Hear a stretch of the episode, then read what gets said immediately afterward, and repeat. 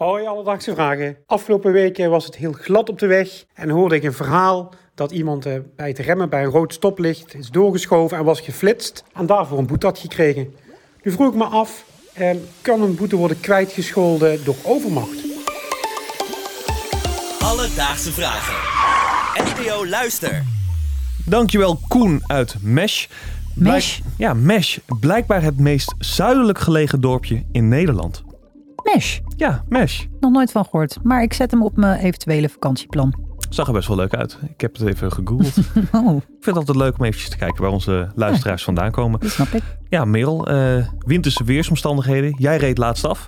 Was dat toevallig ook eh, in gevaarlijke weersomstandigheden? Nee, het was absoluut niet gevaarlijk.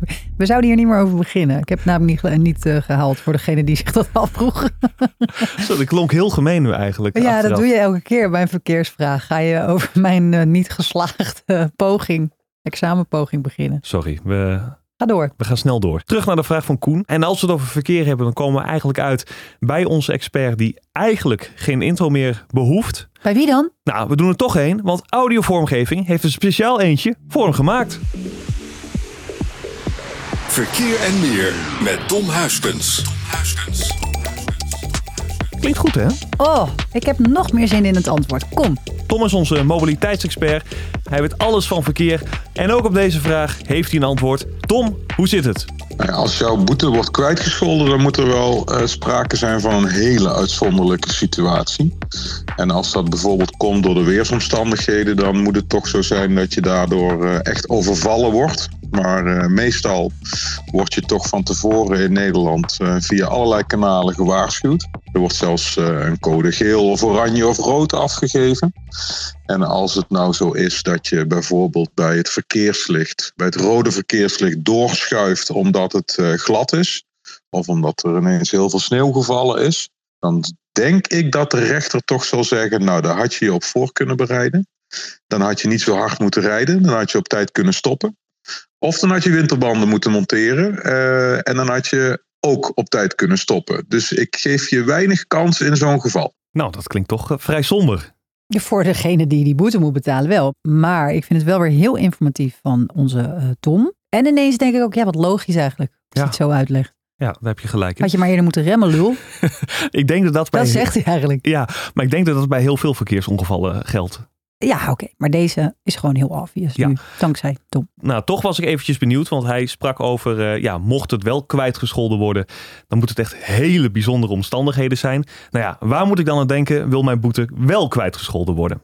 Nou ja, kijk, als er, een, eh, eh, als er een hele uitzonderlijke situatie is opgetreden waar meer mensen ook de dupe van zijn geworden, als er bijvoorbeeld een eh, ongeval of nou, noem eens iets geks, dat Bokito weer eens is ontsnapt uit Diergaarde Blijdorp en dat hij de weg overrende en dat je daardoor ineens gas moest geven of vol op de rem moest, ja, dan is het wel aannemelijk te maken bij een rechter dat dat gewoon pure overmacht is geweest. Eerlijk, Aaron Bokito, die verwacht je niet nog een keer. Nee, dat zou wel heel Wat heerlijk Bijzonder zijn. gewoon nog een keer, hè? Ik vind wel, onder het mom van het moet wel een hele uitzonderlijke situatie zijn, dat hij wel een goed voorbeeld heeft gegeven. Zeker. En ik geef zelf nog eventjes een kleine aanvulling. Wat natuurlijk ook een uitzonderlijke verkeersomstandigheid kan zijn, is dat je bijvoorbeeld ehm, ruimte moet maken voor een eh, hulpvoertuig wat langskomt, een ambulance of een politieauto met sirenes. Ja, dat je daar dan bijvoorbeeld eventjes over de stopstreep gaat, wat normaal niet mag. Ja, stel, en je krijgt dan een boete, je wordt dan geflitst. Dan, Heb je een verhaal? precies. Alledaagse vragen. Ik wil nog eventjes eh, doorgaan op die flitspalen die ik net noemde. Want ja, de meeste verkeersboetes worden vastgelegd met zo'n eh, flitspaal. Daar hebben we overigens ook een aflevering over gemaakt. Aflevering 74 over flitsmeisters en flitspalen. Heb je die nog niet geluisterd? Doe dat vooral. Terug naar deze aflevering. Want ja, ik zelf ken ook genoeg verhalen van vrienden of familie die dan weer een boete hebben gekregen. En dan zeggen ze, ik weet zeker dat ik niet te hard heb gereden. Nou, om die mensen even een gunst te doen, vroeg ik aan Tom: kun je eigenlijk ook bezwaar maken tegen een boete die door zo'n flitspaal is vastgelegd. Daar kun je bezwaar tegen maken. Je kan een rapport opvragen waaruit moet blijken dat, dat, dat die apparatuur geëikt is. Dus dat die de juiste snelheden uh, meet.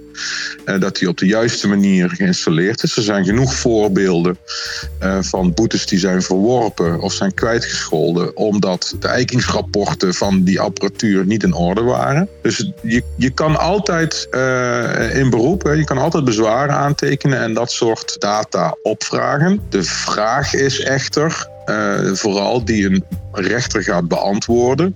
Heb je de overtreding begaan, ja of nee? Nou, er is dus wel een mogelijkheid. Maar goed, de kans is waarschijnlijk best wel klein dat je gelijk gaat krijgen. As usual.